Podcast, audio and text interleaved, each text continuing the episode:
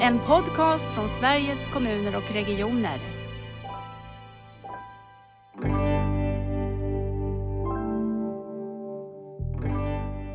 det är ju att de strategiska planerna de ska hjälpa oss att hålla undan det som skapar liksom, eller hindra oss från att göra det vi tror vi behöver göra i mikrosystemet.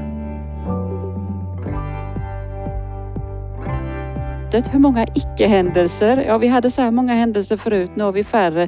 Det, det ledde till icke-händelser för det är ju en del i lösningen för oss också när vi blir fler invånare. En del av lösningen är, ligger ju att vi inte behöver leverera lika mycket till var och en som vi gjorde tidigare utan färre. Så icke-händelser, det, det var bra du påminde mig om det.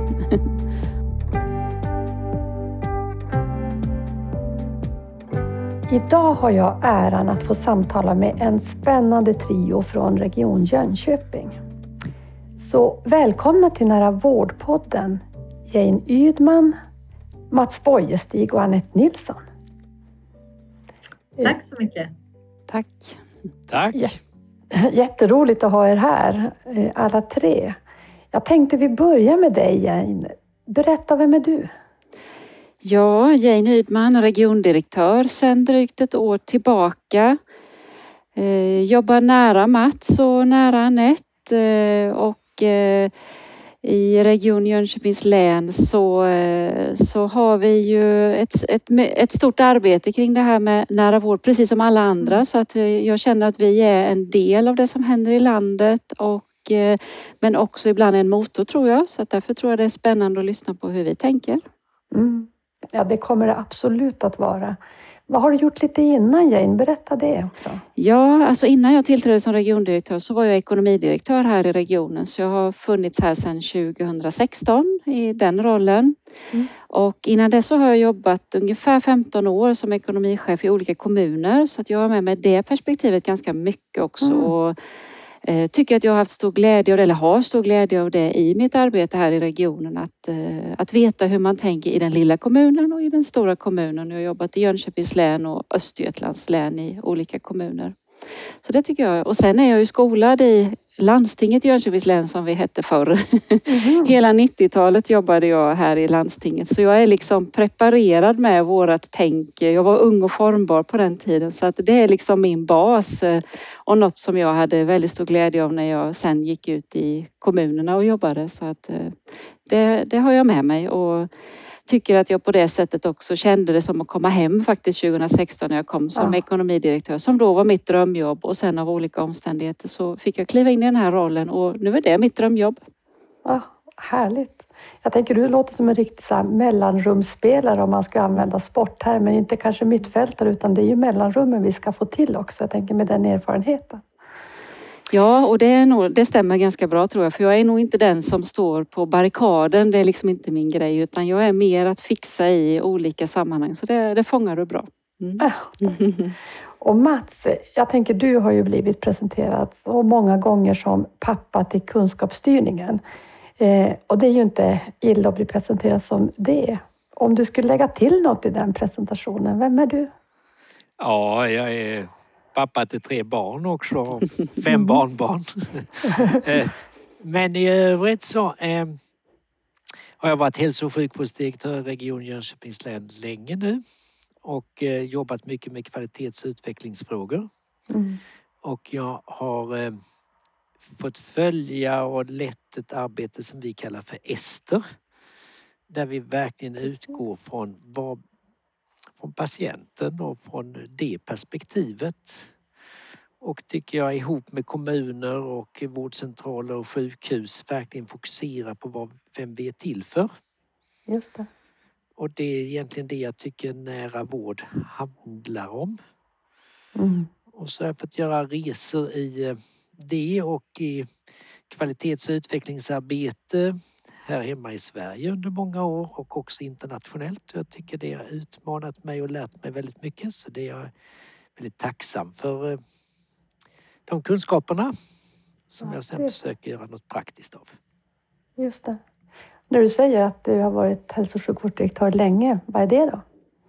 Ja, det är snart 15 år. Oh, wow. Och det, det är länge. Ja. Hur gammal är Ester i de 15 åren? Ja, hon, är, hon är 25. Hon är Så hon 25. var före det. Men, Ja. men det är intressant för att det är en, liksom en sån där sak som man bär med sig och som andra sen har utvecklat och Mm. eh, tagit vidare. Och, eh, det finns en Ester i Singapore och det finns en i, i San Francisco, det finns i England och det finns på varianter i Sverige. ja, det är ju... Så att det är liksom ett... Det är egentligen... Frågan är vad är bäst för Ester? Ja, precis. Och den är ju verkligen någonting man tänker på när man tänker på Jönköping. Ja. Annette Nilsson, vad är du i det här, den här trion? Och Ja. också. Jag eh, har förmånen att eh, jobba som utvecklingsstrateg med framtidsfrågorna och jobbar då nära Mats och Jane, vilket är en stor förmån. Att få vara i ett system där det finns ett sådant systemangreppssätt, det tycker jag ju är så spännande. För jag säger som Jane, att få springa i mellanrummen och vara med och skapa förutsättningar och, och, och se den större bilden och också gå i delarna och vara konkret nära. Det är så häftig energi i det. Mm. Eh, Jag har ju haft förmånen att också jobba nationellt med storskaliga förändringar i Bättre liv med chefsprogrammet där, jobbat eh, med olika frågor i Region Jönköping kopplat till kvalitets och utvecklingsfrågor, chefsutveckling och innovationer. Eh, Jag har ju med mig i min ryggsäck också när Mats pratar om Ester så, så känner jag ju också att visst, Ester är så central i, i det vi gör. Vi har också med mig det här vi jobbade med Passion för livet när vi verkligen klev ut i den levda verkligheten hos eh, seniorer och ställde frågan vad är viktigt för dig och vad gör du för att du ska kunna ha ett så bra liv som möjligt. Och det tycker jag att det är ju en halva som vi nu förstärker med patientkontrakt som också är vad gör jag för mig själv och vad gör vården? Där jag nu har förmånen att få gå en sträcka då nationellt som projektledare på SKR för det införandet och samtidigt jobba med framtidens hälso och sjukvård där vi har jobbat fram en, en plan kan man säga, strategi då som är politiskt tagen och så. Så att det, det är en fantastisk eh, arena och att också då som Mats var inne på få finnas med de internationella rummen där vi gillar att binda ihop oss med världen och ständigt utmana oss och, också försöka vara med och agera oss in tidigt i framtiden och inte sitta och vänta på läktarplatsen. Ja, precis. När man lyssnar på, på er tre så ser man ju vilken utblickspunkt ni har för ert ledarskap. Det är ju fantastiskt. Eh, du var inne på det, tror jag Mats, att ni, ja det kanske var Jane förresten, ni är verkligen alltid ett namn på pappret när det pratas om kvalitet och utvecklingsfrågor i hälso och sjukvård. Eh, då är ni i frontlinjen. Eh, Mats, vad, vad beror det på? Varför lyckas ni så bra? Nej men jag tror det är lite som eh, Jane sa att vi har liksom i så många år haft det som vår strategi för att möta utmaningar. Eh, Och eh, det är också vår ledarskapsmetod. Mm. Alltså hur jobbar man med sina arbetssätt för att förbättra dem hur engagerar man alla i det? Och hur ställer man de frågorna för att verkligen och så se att det här är, det är inte en kvalitetsavdelning. Det är allas uppgift att hela tiden kunna hur man systematiskt förbättrar det. Och då har vi väl börjat titta på hur alla delar måste göra det. Om man jobbar med fastighet måste man fundera på hur det fungerar. Om man jobbar med ekonomi måste man fundera på hur man bidrar till att arbetssätten blir så bra som möjligt för patienterna. Och det har vi hållit på länge och vi har haft väldigt duktiga lärare, internationella och lokala och varit nyfikna på det. Va? Det tror jag är, och våra ledarskapsutbildningar går ut på det. Just Jag skulle det. vilja säga att vi är envisa i den frågan och det, det är jättemånga års så man kan som Jane ge sig iväg 15 år så är vi ändå kvar där. Alltså vi är stabila. Att våga stanna kvar också i... Men hur har ni tålamod? Eh, För jag tänker om ni är så långsiktiga, det måste ju också kräva ett visst tålamod att tro på, eller övertygelse i alla fall. Ja, jag tror att det också beror på... Alltså vi är inte så tålmodiga annars. Alltså vi är lite rastlösa. Och, Ja, det. Eh, eh, det, det är absolut inte så att vi står still utan tvärtom vi rör oss så fort vi kan i detta. Och jag tror det beror på att vi ser att det är framgångsrikt. Mm. Och Mm. vi har lärt oss det. Och det, det är teoribaserat, alltså det är ingen nyck. Det är ingen fluga. Det är inarbetat. Vi är väldigt systematiska. Vi, vi bedriver pandemi som om det var ett stort kvalitetsarbete. Eh, Jag tänker också det här med arbetssätt. När man tittar på omställningen till en nära vård Eh, så handlar det ju väldigt mycket om att vi behöver göra våra tjänster på nya sätt. Det handlar om arbetssättet. Jag tänker att ni skulle berätta om hur ni i Region Jönköping har riggat upp omställningen till nära vård. Eh, hur ni har mm, mm, berätta om hur ni jobbat med att få till själva eh, sättet att, att driva den här omställningen. Om du börjar Mats så kanske Anette kan fylla på. Ja. Nära vård. Det är ett sånt där nyord. Lite. Som vi tycker behöver fyllas med ett innehåll. Och då tycker vi nog egentligen att det handlar om, kan man vara närmare än patienten själv eller invånaren själv? Mm. Vems vård är det? Det är väl den ena utmanande frågan. Eh, Det är ju patienten och hur, hur stödjer vi den vården? Mm. Så att vända på det lite, att säga det är inte patienten ska hjälpa oss hur vi ska göra vårt jobb. Hur ska vi göra vårt jobb för att det ska passa med patienten? Mm. Och då, när vi, då behöver man, vår erfarenhet säger att man måste göra detta praktiskt. Man måste uppleva som, det är en ganska stor omställning för vården. Vi är vana att ta hand om folk. Mm. Vi har pratat om det jättemånga gånger men, men det är ändå så att man behöver skaka om sig själv för att göra perspektivförändringen. Eh, Så att det, det är egentligen, eh, och då är vi i det och vi tror att vi kan göra detta med hjälp av en rad verktyg. Till exempel de personcentrerade samordnade vårdförloppen. Där det står tydligt vad ska patienten göra? Mm. Vad ska vi bistå med? Efter var och ens förmåga, inte som någon jättestor standard. Nej. Och då kan till exempel patientkontrakten vara ett hjälpmedel för oss att tänka på det. Vad gör patienten? Vad gör vi? För att strukturera oss att tänka på nytt sätt. Vi har ett talesätt som är så här att agera oss in i ett nytt tänkande istället för tänka oss in i ett nytt agerande. Just det. Och det är inte bara klatschigt utan det är faktiskt så att då behöver man de här arbetssätten för att skaka om sig själv och oss som ledare och våra medarbetare behöver göra erfarenheter av eh, att det här är på det sättet. Så, Mm. så vår, vi tror att vårt sätt att närma oss detta och att förflytta primärvårdens position för de är ju förstås en jätteviktig del i det stödet till invånarna är att utgå från sådana här arbetssätt. Och därför är det naturligt hos oss att när det är pandemi så är det primärvården som tar proverna. Det är primärvården som vaccinerar. För vi behöver, jag höll på att säga, vi behöver vaccinera vår befolkning med att det är vårdcentralen som är den naturliga hubben. Just det. Det är där man kan få det stödet. Och sen är det andra, liksom hänger det andra på och gör sitt jätteviktiga arbete.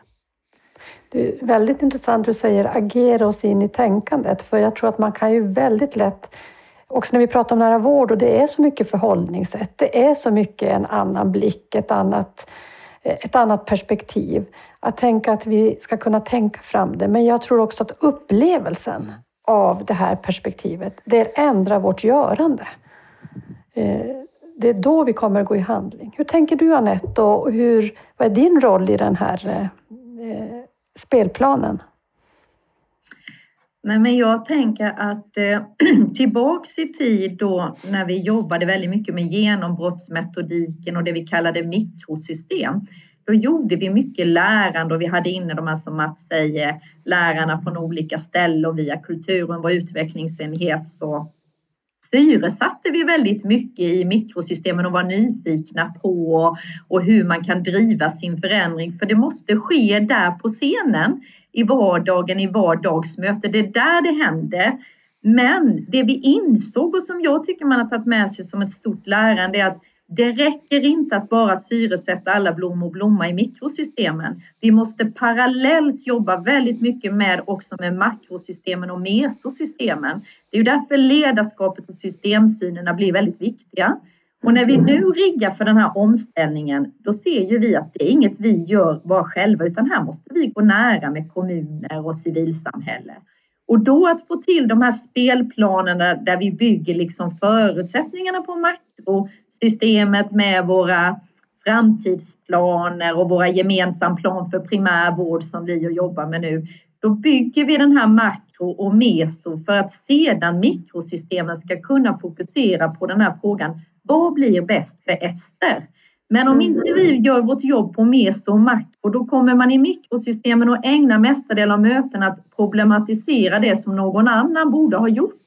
Och då är det lite som Anders Ekholm säger, vi behöver hålla undan skit. Och det tror jag är väldigt viktigt i klarspråk för att vi måste agera. Det är inte så att vi är några som sätter oss på strategisk läktare och talar om för andra vad de ska göra. Och där kan jag ibland tänka rätt mycket på det där att jobba strategiskt är att kunna skapa förutsättningar på makro och meso, men det är att verkligen vara nyfiken på mikrosystemen och gå nära i, i det perspektiven så människor får chans att utföra och bli sitt bästa jag i det man själv ser att man vill göra för patienter och tillsammans med patienter.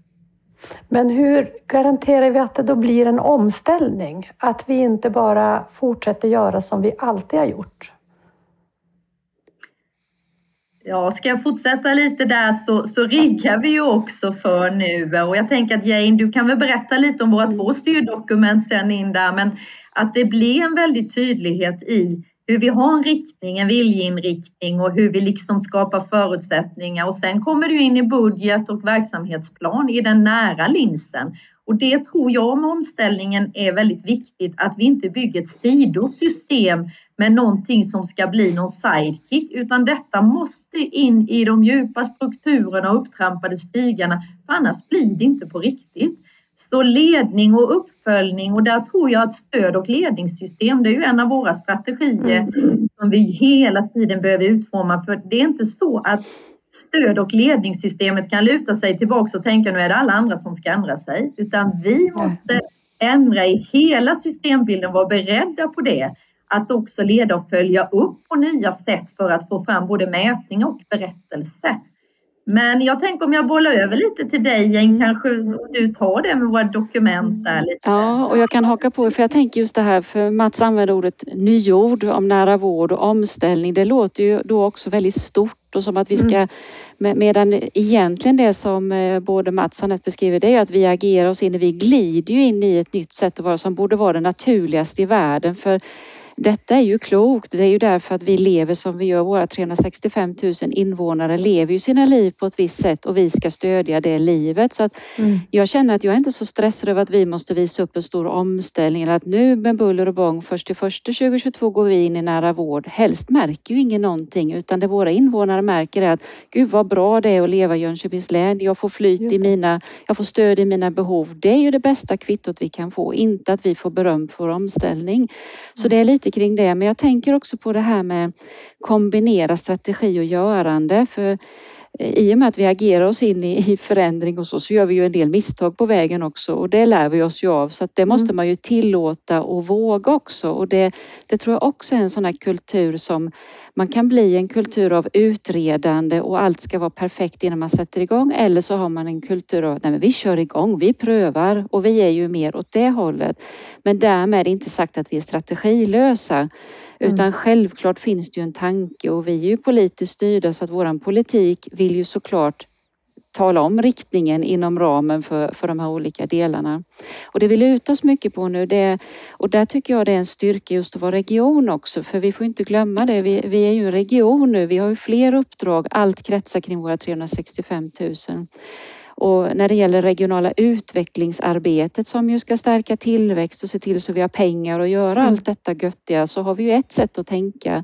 Mm. Eh, och där finns en regional utvecklingsstrategi som vi ska ta fram. Ja, det säger lag och förordning men det, vi vill ju det och den pekar ut riktningen till 2035 utifrån kanske mer de perspektiven. Men sen har ju vår politik valt och Anette och Mats har ju varit mycket i det och ta fram en strategi även för att möta framtidens behov av hälso och sjukvård och den pekar ut riktningen till 2030. Det är mm. ungefär lika länge. Det är de där långa planerna och jag brukar kalla det för att vi har två systerplaner nu. Båda är tagna av fullmäktige, båda är våra mest långsiktiga styrdokument och det är de som ska ge oss riktningen för att ge ett bra liv till våra invånare i vårt attraktiva län. Det är liksom där vi hämtar kraften. Och sen så pekar vi ut utifrån det, vad gör vi nu på ett, tre års sikt? Och det blir det här konkreta görandet som också får en politisk touch då naturligtvis. Och ja, som blir en del av, vår naturliga utveckling. Så, så därmed sagt att det är ingen buller och bångomställning för mig i alla fall utan det är en del att ta sig an de här två stora uppdragen, mejsla ner dem för invånarna. Det är ganska eh, spännande tänker jag när du pratar just om den regionala utvecklingen där där hälsa, sjukvård och omsorg är ju jättecentrala delar för att en region ska må bra. Och då blir ju också invånarperspektivet så tydligt. Man är ju inte patient alltid. Nej. Eh, och jag tycker om er målbild för ni vågar ju börja i vardagslivet. Eh, så. Men jag tror du var inne Mats på att det där är ju väldigt, det där är vi inte särskilt tränade på. Nej, det, det, det. det är vi inte. Vi, vi vill snabbt in dem i vården. ja, just det. Eh, jag tänkte på det här du sa Jane om att våga misslyckas. Hur märks det från er regionledning att, att ni har den kulturen? Märker, hur märker man det?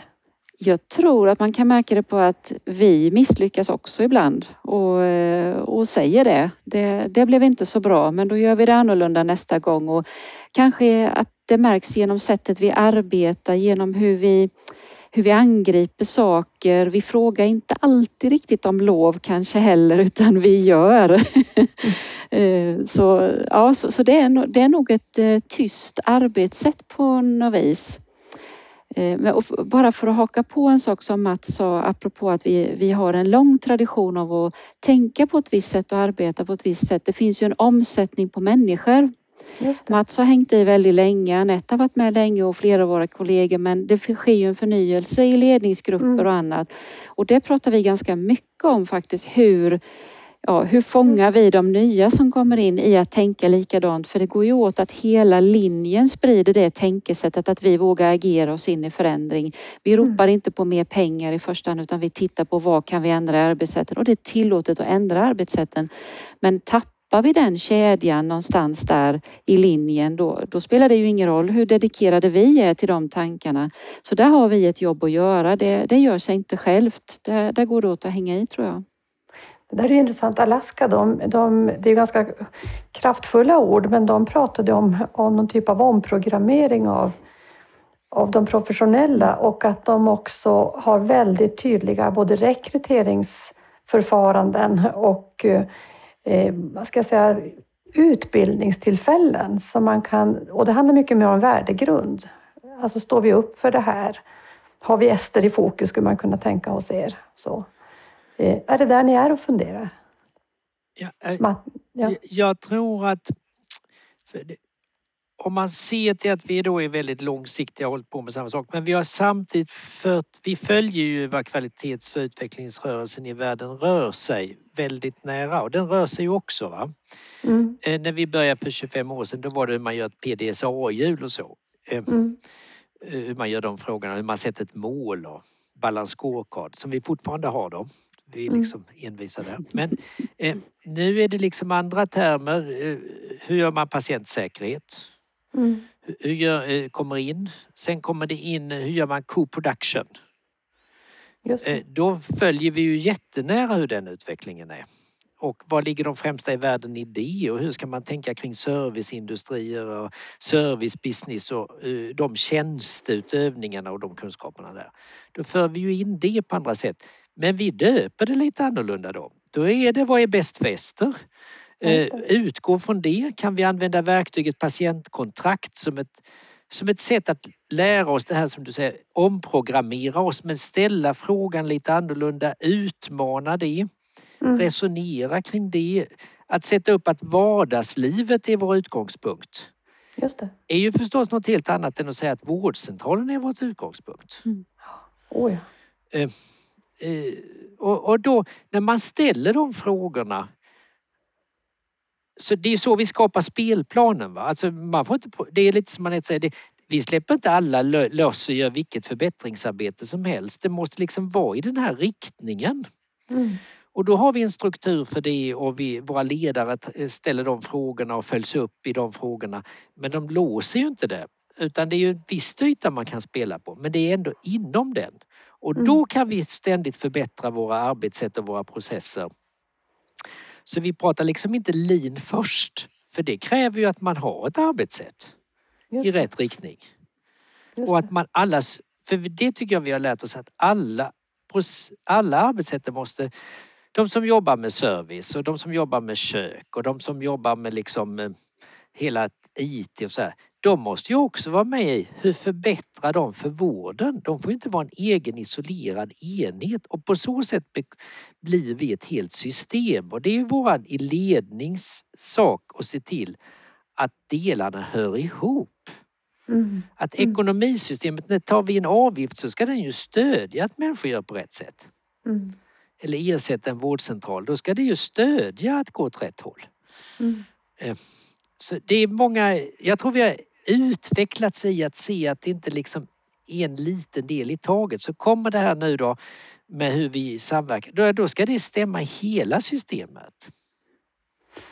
Det är ju otroligt intressant och det, det, känns ju som att då har ni ju kommit också väldigt långt när egentligen värdegrunden sitter så djupt i styrningen. Mm.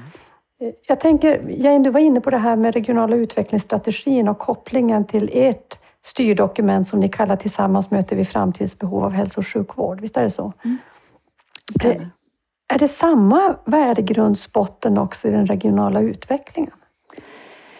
Den har väl en liten annan ansats kanske och så som vi arbetat fram det men, men jag ser inga hinder i det utan jag ser att vi har två, alltså värdegrunden sitter ju i den gemensamma visionen att det är, jag ser ändå tydligt i båda att det är invånaren som är i centrum, det tycker jag. Sen, sen det vi håller på att försöka titta mer på nu det är hur de här två vad finns det för kontaktytor mellan de här mm. två eh, strategierna? Och det tror jag vi kan hitta styrka i att eh, en del saker är helt regionala utvecklingsfrågor. Det berör liksom inte hälso och sjukvården men väldigt mycket berör vartannat eftersom det berör invånare och där kan vi hitta kontaktytor och kanske se ännu mer hur det faktiskt hänger ihop och och dra nytta av det, att vi faktiskt är en region. Därför att det finns saker som vi kan göra kring invånaren inom regional utveckling som gör att vi förhindrar ohälsa och som då gör, alltså det finns växelverkan där. Eh, där har vi ett stycke kvar att jobba tycker jag. Så vi har varit region i, sedan 2015 men jag tycker inte riktigt vi har gjort ett plus ett är tre utan vi har, vi har faktiskt möjligheter där som jag ser goda. Mm. Själv har jag funderat en del på, ofta så har ju historiskt sett hälso och sjukvården beskrivit mer som inte en, en mer tärande del och inte en närande del i, i samhället. Och jag tänker i den regionala utvecklingen så är ju en stark eh, eh hälso och sjukvård och omsorg en otroligt viktig bas för att en region ska kunna utvecklas mm. och en kraft. Ja, och där tycker jag att det jag lär mig mer och mer, för jag är ju rätt så ny i gamet, det, det hörde ni ju. Men jag hör ju hur det regionala och alltså tillväxt, företagande, jag menar hälso och sjukvården är ju jättebas för företagande, innovationer och så vidare. Så att den växelverkan ser jag jättemånga möjligheter i. Så att ibland är det ena tärande, ibland är det ena närande och ibland vice versa. Så att, eh, mm, mm.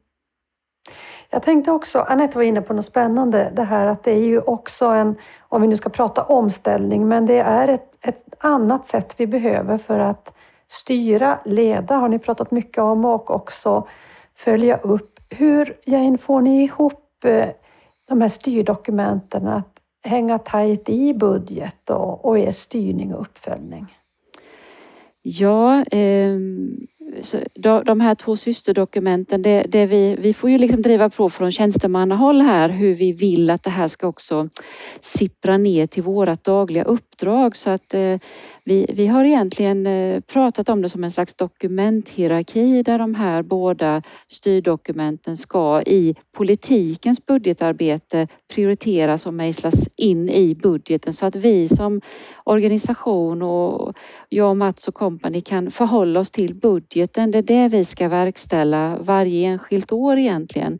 Och här behöver det vara en växelverkan mellan politik för, för, så att inte det här drar iväg heller utan vi kan hålla i den här dokumenthierarkin. Och nu blir det mycket prat om dokument, det är ju egentligen görandet vi är ute efter men men hur eller hur så utvärderas ju politiken på vad, vad, vi lyckas genomföra och har vi då en bra struktur där vi är överens om vad, vilket dokument är finast, vad är det vi styr på, då blir det mycket enklare för oss också att leverera på rätt saker och det gör att politiken kan leverera på sina löften till invånarna.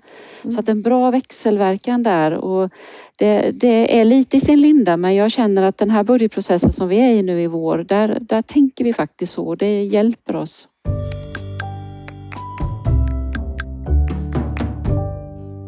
Men eh, jag tänker i, i ditt uppdrag Mats, ser det då annorlunda ut? Jag tänker hur budget fördelas, hur ni mm, följs upp och så när du kommer in i din, din hälso och sjukvårdsdirektörs eh, roll och tittar på det här. Nej, men det är precis som, och vi har verkligen jobbat med det. Va? För att inga sådana här system är ju blixtsnabba. Ska ju Nej. inte vara det heller. Det ska ju röra väldigt många människor. Så att i den här framtidsplanen då, där ligger ju riktningen hur, som politiken har enats om för ett antal år framåt. Men i budgeten som är för nästa år eller för i år så står det vad vi ska göra i år och då ska mm. de ha valt ut i den där planen hur mycket ska nu verkställas det här året. Och då har vi ju ett resonemang med dem också att det är ju så när man gör en framtidsplan att man gärna vill göra hela planen direkt det, det, blir liksom en otålighet att det man har tänkt ska tio, ta tio år ska helst gå på två. Mm. Och det gör det ju inte i verkligheten.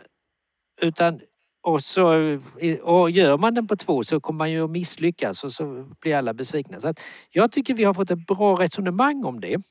Eh, men det har också vidgat i andra frågor. Vi har precis haft en diskussion som har funnits här många år om palliativ vård. Just det. Ihop med kommunerna. Mm. Och då har vi nu landat i ett förslag i det och då har politiken eh, med de som finns i hela nämnden för folkhälsa och sjukvård mött de som jobbar med de här frågorna politiskt alltså i de olika nämnderna i de 13 kommunerna. Så har de haft en workshop ihop och så kan de faktiskt enas om att det är ju här vi ska göra tillsammans för våra invånare. Mm. Och det vet ju jag då att då ger det ju en trygghet i oss som ska verkställa det sen när vi ska komma överens med, när jag ska komma överens med socialchefer och sånt. Så, så är det ändå en riktning när man även i politiken har sagt titta nu på att det här är vår gemensamma invånare. Ester, hon är, har vi ihop. Mm. Hon är inte olika. Ester kommun och Ester landsting, så är det inte. Hon håller inte reda på vem som är vem. Där kan man väl säga Mats att det är ju likadant med också där nämndens ordförande tog initiativet med barn och unga ja, där vi nu jobbar ihop med Skottland. Och det, det ger ju en kraft i det här att man sätter spelplanen hela vägen och en trygghet i att nej men vi vill liksom fortsätta att utveckla för det bästa möjliga. Och det är barnets perspektiv som sen vägleder oss oavsett organisation när vi bygger sömlösheten. För jag tänkte just det, eh, man pratar mycket om, om systemet. Och då, då satt jag och tänkte också på, men hur får ni också ihop det här systemet, eh, där systemet möter mellanrummet med kommunens system och bildar ett vad ska jag säga, mellanrumssystem? Eh, Anette eller Mats, ni är ju inne på det båda två. En liten sak jag, jag kan skicka med ända från när jag började då, slutet på 90-talet med den här Ester, ja. att ställa sig den frågan. Då blev det så att när vi möttes som chef där så brukar jag skoja med om att cheferna träffas. Då är det så här, ja vi har det tungt allihopa. Var och en på sitt håll. Mm. Och så pratar vi om det en timme eller så. Så säger vi att det här var ett värdefullt möte och vi borde träffas igen. Och så gör vi det och så händer inte så mycket för egentligen har alla det tungt och alla har för lite resurser och fel resurser och så. Men när medarbetarna fick uppgiften, när vi blandade från en medicinklinik och, en, eh, och kommunerna och de skulle titta på hur blir det för Ester. De pratade inte om det då. Om man bara höll undan cheferna så pratade de om hur blir det för Ester och vad kan vi förbättra? Och det var små saker som gjorde stora skillnader och som kostade väldigt lite. Och bara var och en tog det bara så att vi chefer, vi blev ju himla stolta för att de hittade på de här grejerna. Så då Mm. backade vi ju upp dem och sa Mm. att de måste få göra det. Och det är liksom en lärdom som har följt mig alla de här åren. Att hur gör vi som chefer? Ger vi spelplan för de som är nära att lösa det? Just det. Och, Och även om liksom det ta handlar om hand om de här mellanrum. problemen då med pengarna. Ja. För de är mycket mindre de problemen än vad vi gör dem. För börjar vi med dem, då har alla det eländigt. Tillsammans har vi stora resurser. Och de sitter i människorna. Ja, precis. Det är ju också, tänker jag, det som är kontentan av alla utredningar på det här området. Det är inte res resursbristen om vi använder resurser bra och de sitter i människor.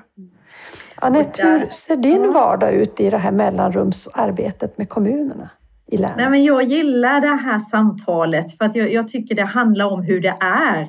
För det där att vi har spelplanen, det är på något sätt, vi har en strategisk agenda. Nu gäller det att bara samverka och bygga relationer. Och där brukar ju du Lisbeth säga att det handlar om en relationsförändring mer än en Mm. organisationsförändring. Att det handlar om att foga samman. Mm. Och då tycker jag i vårt gemensamma ledningssystem i REKO där vi möts, det är där vi sätter spelplanen. Nu är vi i gemensam plan. Jag har ju ett, ett nytt gäng kan man ju säga som är, är mina också nu, team i min vardag där jag och Anneli Forsgren och Ola Lundmark då som vi jobbar mycket med kommunal utveckling och via de kanalerna vi måste ju tycka om att jobba tillsammans och bygga den där sömnlösheten och det tycker jag att vi är i. Och det känns oerhört spännande och roligt. Det som är viktigast för oss i de här rollerna då som, som lite har fått den förmånen, det är ju att nu bygga kapacitet och få andra att känna samma glädje och lust och ägarskap. Så att man liksom skapar förutsättningar, för det här är ju inget som görs på några få personer eller som man kan leda och styra även om vi behöver se över lednings och stödsystem. Utan det är att sätta riktning och sen att stärka människor. Jag vet du vad, det är inte allt är inte på plats och, och det är mycket som skulle kunna vara bättre och vi kan drömma om. Men nu vågar vi gå för det är tillräckligt bra för att vi ändå vågar ta ett litet steg. Så jag tror att det är mycket att sätta hopp och energi. För blir man för trött i den här komplexiteten och alltihop, Mm. då blir man så baktung så man orkar inte ta ett endaste steg för man hamnar bara i att problematisera och då finns det ingen energi till görande. Så ett sak för att hålla den här som Jane säger, görandet i fokus, det är ju att de strategiska planerna, de ska hjälpa oss att hålla undan det som skapar liksom, eller hindra oss från att göra det vi tror vi behöver göra i mikrosystemen. Så det är mycket bygga kapacitet, foga samman, springa mellanrummen. Det roligaste i min vardag, det är som det var en person nu häromdagen i en workshop som innan har hållit på att dra in mig i sammanhang och säga Anette, du måste berätta vad är nära vård och det är så svårt att och konkretisera det och vi behöver förstå det mer konkret. Nu var det den personen som berättade i ett stort sammanhang om vad nära vård är. Då sjunger mitt hjärta, för det är så jag tror vi kommer att och liksom få energi i det här. Att så många som möjligt känner att det här vågar jag tro på och jag går min sträcka. Så det är mycket med bygga relationer och skapa förutsättningar skulle jag vilja säga och samverkan sömlöst. Ja, det är ju härligt. Vi pratar ju om rörelsen. Eh, att kunna känna att det här är en rörelse som vi är många i. Och vi kan väl komma in på det lite senare också. Jag tänker du var inne på Passion för livet och hur ni jobbar med invånare och så. Men, men innan det så skulle jag vilja, när ni sitter och berättar nu och, och eh, Jane, du pratar om ert styrdokument om hur ni möter framtidens behov av hälso och sjukvård så kommer en bild upp för mig som eh, jag inte sett från något annat län, men det finns säkert. Men eh, där ni har ritat er process i, i regionen och de kommunerna har ritat sin process, eller en bild med kommunernas process och deras gemensamma styrdokument. Och så har ni en liten del av de här två cirklarna som möts. Och där har ni skrivit gemensam plan för primärvård. Eh, kan inte någon berätta lite grann om det arbetet? Vet du vilken bild jag menar Anette? Jag tror jag fått den av dig. Ja, absolut. Mm. Eh, den har ju vi tagit fram för att när vi var i de här processerna, det är det jag säger, det sker så mycket parallellt. Så, så med all ödmjukhet så, så förstår man ju och lär hela tiden. Och i ett slag kan man väl säga Mats att vi var lite inne på och när vi tillsammans med politiken i den här parlamentariska gruppen som var väldigt eh, eh mycket engagemang och, och, väldigt positivt så, så landade vi in ibland, ja men vi kan inte göra denna själva, vi behöver göra det ihop med kommunen och vi kanske ska ha en plan bara sen. Men då växte det här fram och i samverkan med kommunen att nej men vi tror att det finns det och i den här Vad är bäst fäste med de enkla reglerna Mats så är ju de andra jag tar ansvar för eget steget före och steget efter och vi gör det tillsammans. Då insåg vi och ihop med kommunerna när vi jobbar med det att nej men vi behöver ha det som vi tar ansvar för och gör som är eh, regionperspektivet.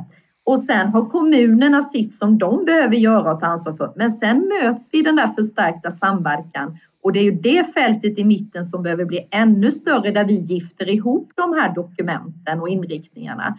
Och då håller vi på nu att jobba med den här gemensam plan för primärvård som kommer att tas beslut i REKO för att sen kanaliseras detta ut i strategigrupperna.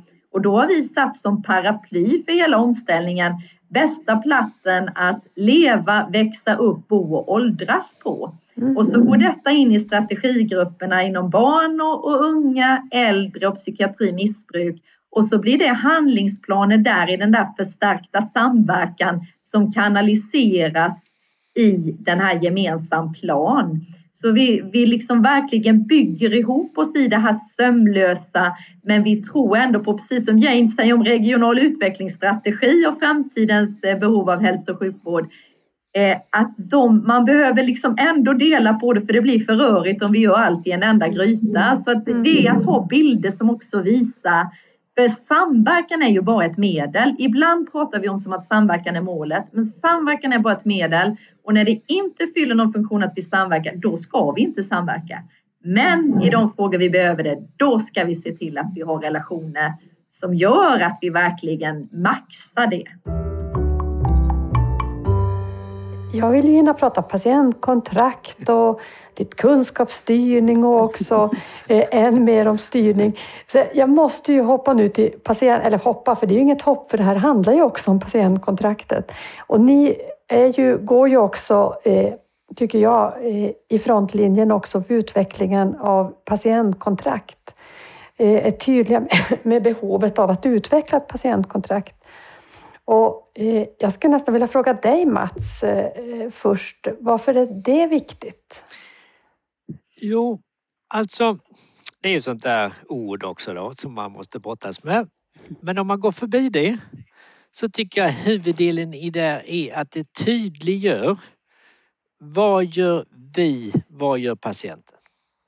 Mm. Jag vet att det inte riktigt konstruerat så. Mm. Allra först var det tankar med en tid i handen. Ja, det är ju jättebra. Klart man ska mm. ha. Och man ska veta sådär. Men jag tror att vården behöver lika mycket som patienten tydliggöra vad bidrar jag själv med. Mm. Och, vi behöver, och då tror jag så här att när man leder ett förbättringsarbete eller leder en hel grupp som ska göra sånt. Då gör man ju det med att ställa frågor och låter gruppen själva fundera och tänka över vad, vad, det, vad behöver vi göra? Man sätter vilket mål. Man frågar hur är det idag? Man ställer frågor om här i det här fallet då vad kan patienten göra? Och patienten mm. frågar sig själv vad kan den göra? Och på riktigt så är det ju egentligen så att vi skulle designa detta utifrån att patienten har designat sin process och vi frågar hur kan vi bidra? Just det. Och så är det med kunskapsstyrning också. Man skapar, det vi kan göra på vår nivå det är att skapa de här mötesplatserna. Vi skapar grupper som är nationella programområden som jobbar med hjärt-kärlsjukdomar eller rehabilitering eller så. Och vi skapar en struktur för hur de här människorna ska komma. Vi ber dem att titta på vilket gap finns det? Vad kan ni bidra med? Och så säger vi att det räknas inte förrän det förändrar för patienten. Nej. Så om ni har en idé att göra någonting men det inte ändrar sig där, då är vi inte nöjda med er. För det är det det här går ut på. Och så gör vi det här med. Alltså det, det är ledarskapsmetod. Det är en För man leder med frågorna och systematiken. Men ansvaret ligger kvar hos de som utför och de måste hitta sitt sätt. Hur funkar de ihop? Och då brottas vi nu med patientkontrakt till exempel och säger att ja, vad vill patienten då? Vad kan den Mm. göra? Och nu har alla de här grupperna gått ut och funderat vad kan en KOL-patient göra? Det har aldrig stått i de där programmen innan. Nej. Och då behövs det här verktyget för det. För att Mm. påminna oss om att det är ju inte vi som lever med KOL varje dag. Mm. Vi lever med det några, liksom åt den där patienten i korta tider och överskatta inte våran roll. Går det att vi träffar dem två gånger om året? De vill ju ställa frågan när de har den. Mm. Det är ju helt omodernt. Att man får två återbesök om året och vi räknar om vi klarar dem. Ja, men det kanske går i åtta månader utan fråga och sen kommer det två frågor på en månad och då måste man få svar då. Ja. Så, så jag tror att de här verktygen hjälper oss att skaka om oss lite och vi behöver ställa oss de frågorna där vi har liksom haft, hur ska vi producera? Vad är det för term? Mm. Så, Precis. Ja, det är ju verkligen att, att förflytta sig dit till vardagslivet på något Ja. sätt och ta utgångspunkten därifrån. Vad tänker du Anette som nu får, får ägna stor del av ditt, ditt yrkesgärning just nu i patientkontraktets lov? Mm, nej, men jag tänker att det är samskapandet. Och eh, precis det Mats säger och man blir väldigt ödmjuk för alla gör sitt bästa. Eh, men man gör det utifrån delarna och det vi ser lite nu vid införandet av de personcentrerade och sammanhållna vårdförloppen det är ju också vikten av för att vi ska få de kliniska resultatens följsamhet att det går inte att inte patienten är delaktig. Det är en så central del också kopplat till det. Men när vi nu då håller på att jobba med detta, då ser vi att vi har en sträcka kvar att gå. Vi har ju följeforskning med Klara Palmberg Broryd inom patientkontrakt Mm. och då säger man ju från regionerna, vi är inte så vana vid samskapandet. Vi har inte arbetssätt på plats som möjliggör den här samordningen eller där vi naturligt ställer de här frågorna som Mats säger. Vad kan du göra för dig själv och vad kan vi göra? Att vi får ihop så vi kan tala om vad nästa steg är och att det blir begripligt för individen hur detta hänger ihop. Att verkligen ta den där bilden från den levda verkligheten. Och där har ju vi en, en tradition också med all ödmjukhet från Jönköping, Region Jönköping, där vi har jobbat mycket ändå med hur involverar vi personer i patientrollen? Vi har levande bibliotek och, och mycket med de delarna. Men vi ser att likväl får vi vara ödmjuka inför att man måste umgås med frågan som Mats säger och den måste få komma nära. Vi kan inte trycka ut detaljer. Just nu är vi i att vi har överenskommelsen dokumenterad. Vi har SIPen dokumenterad. Vi har fast vårdkontakt dokumenterad. Vi följer det på dashboardar för att se att vi liksom, ja, det är några mått på detta. Men det möter mycket utmaningar och ibland kan det ju bli så att man vill nästan skjuta budbäraren att patientkontraktet är problemet. Men nej, patientkontraktet är en del av lösningen. Problemet är att vi inte har de här sakerna på plats i vardagen. De här personcentreringen som är så centralt i omställningen. Och då behöver vi verkligen inte ducka för det. Och där kan jag vara lite orolig ibland när jag hör att man orkar inte säga hela ordet personcentrerade och sammanhållna vårdförlopp, utan man säger vårdförloppen. Och då är jag rädd att vi kapar bort personcentreringen och gör den som att den är en egen del som den får vi se om vi mäktar med. Men nu gör vi det hard eh, thing liksom i det. Så att jag säger att jag älskar det där ordet och säger alltid det i helhet. Jag tror man ska säga det många gånger i sin helhet. För hemligheten bor där i. Och nu när vi gör detta så, så är också Mats då en driver så, och som coachar mig i det här med och flera andra i att vi måste ju tänka att det när vi nu gör också de här personcentrerade och sammanhållna vårdförloppen, det införandet, då gör vi omställningen till nära vård. För det är där vi konkretiserar, det är där samskapandet, om det överhuvudtaget blir skillnad för invånaren, patienten eller för medarbetarna. Och då är det en större förändring än vad vi kanske känner att vi riktigt eh, ja, vågar gå på liksom. Men, men jag tror att det är här vi måste våga gå i komplexiteten och stärka varandra. Att det är bara i samskapandet och i träningen som vi tar de här stegen. Jag tror det är väldigt behjälpligt för många att höra er resonera just om, om hur vårdförloppen hänger ihop med nära vård. Så vi inte gör dem till, eh, ja du pratar om nyord Mats, eh, men att det på något sätt blir ord i, på en karta men ingenting som, som hänger ihop i, i vardagen och verkligheten. Eh, jag, jag funderar på det här med också följa resultaten och eh, Jane, jag hade förmånen att lyssna på dig, det är snart ett år sedan, tror jag att det var, när vi pratade, vi, SKR släppte sin ekonomirapport och du pratade en del om, om uppföljning, både ekonomisk uppföljning och annan uppföljning. Kan du eh, försöka beskriva lite grann, vad har du för tankar kring hur vi behöver kunna följa upp vårt system framåt också? Vad är det för någonting som utmanar oss? Ja, eh, det, det var en rätt så bred fråga. Eller hur? Ja, du får ta den i Ja, men, men jag, jag, kopplar nog på den just det där. Jag vill haka på det. Alltså, vi vill ju kunna se om det gör någon skillnad, för, skillnad på riktigt. Det är ju egentligen ja. det vi vill följa upp.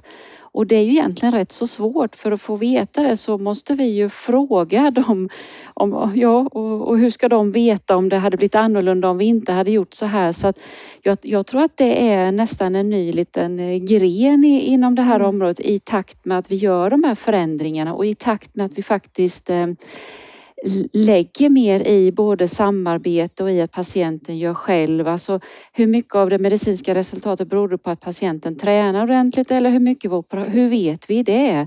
Så jag tror att det här ställer också nya krav på det.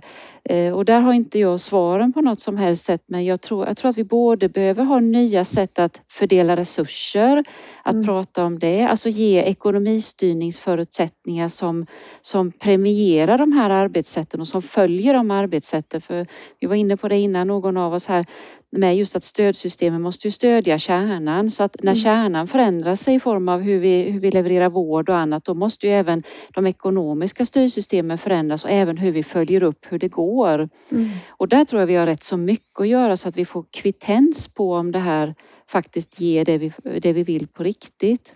Precis. Jag delar absolut din uppfattning och jag har tänkt mycket på det här med om det nu är vardagslivet Eh, som ska vara i fokus så, så behöver vi också se till att vardagslivet får pågå så ostört som möjligt och då går det ju inte att följa bara de händelser som finns hos oss eller ekonomisätta det utan det kanske är icke-händelserna, att man ja. inte behövde komma till. Precis, jag tror det var du som sa det. Där ja. kom ordet. Jag minns det ja. från den, det tillfället. Icke-händelser, det, det kanske är det nya måttet. Hur många icke-händelser? Ja, vi hade så här många händelser förut, nu har vi färre.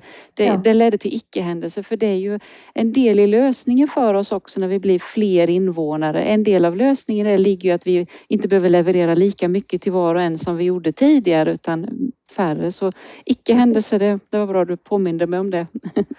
Och kanske är det det också som eh, patientkontraktet. Jag kunde faktiskt vara självständig. Jag visste vad jag kunde bidra med och hur jag skulle göra det. Mm. Som du var inne på Mats.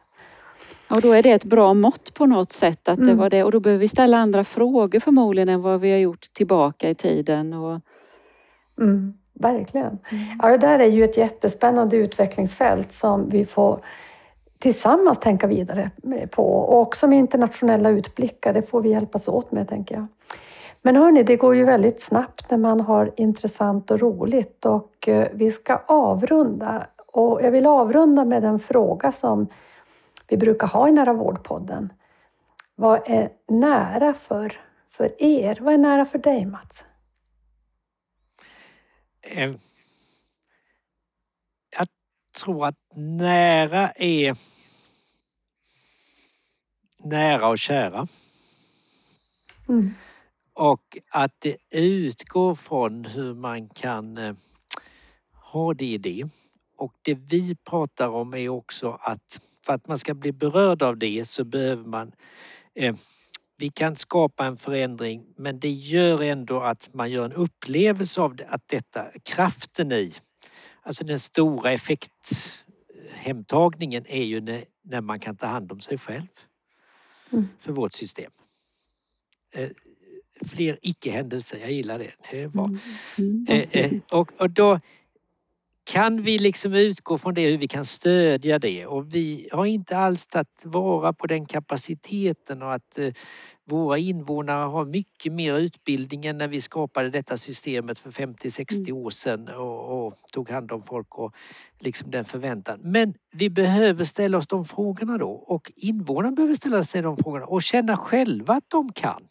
Det är något man upplever sig själv och jag tror att engelsmännen säger I think och vi säger jag fattar. Och eh, det ligger någon hemlighet i det, att det behöver vara så handgripligt. Mm. Att man behöver göra och se att det funkar.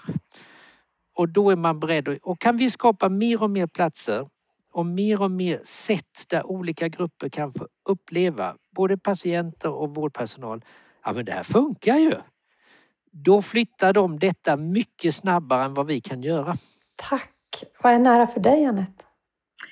Men nära, det hänger mycket ihop med tillit. Det hänger ihop med relationer. Jag tänker som invånare att man känner att man har närhet till sina egna tilltro till vad man själv förmår och klara och att man också har tillit till att, att man har vänner och nära och kära som man kan vända sig till. Och det tänker jag när man kommer i patientrollen att nära, det finns tillit till att jag får det stöd jag behöver när jag behöver det på det sätt jag önskar, liksom oavsett vad det är. Men jag tänker också som medarbetare emellan närheten i att jag vågar gå, jag vågar pröva, jag vågar försöka. Och stöter jag på något, nej men då har jag en kollega att fråga eller då har jag ett brett nätverk. Både, alltså nära, vi kan ju ha kontakt med både Alaska och med, med London och, och eh, Gislaved samtidigt. Och det, det, liksom, det är nära till kompetens, nära till stöd, nära till och det skapar någon trygghet. Man är inte ensam, vi går tillsammans och då kommer ju hela den där närhet ger också någon, någon, ja, någon, någon trygghet i att man får glädja sig under färden så man inte blir för problemtyngd, för det är ju livet som pågår. Och det tycker jag är så viktigt att man har den känslan. Så närhet har så många dimensioner. Och Jane, vad är nära för dig? Ja, nära, jag tänker ändå som vi pratar nära vård, jag tänker på min mamma faktiskt. för det är, det är min nära vård, det är min första vårdnivå om man säger så. Om det är något som tynger mig eller jag är bekymrad eller något, då mm. ringer jag ju till min mamma. Så det är mm. verkligen nära. Så det är väl också att utgå från att invånaren har, har oftast, ska man väl säga, en omgivning, ett, ett relationsband kring sig och så, och så går det inifrån och ut istället för att vi börjar utifrån och in och så ska vi hitta invånaren eller patienten långt där inne. Så att tro på att det, det mesta löser man ju själv rätt långt ut. Det är först när jag behöver ett läkemedel, då behöver jag ta till något annat än mamma för det kan hon inte fixa. Så att rätt mycket klarar man själv och sen spränger man den där gränsen. Då kan samhället träda in. Så det tänker jag kring nära. Stort tack att ni ville vara med i Nära vårdpodden. Tack så mycket.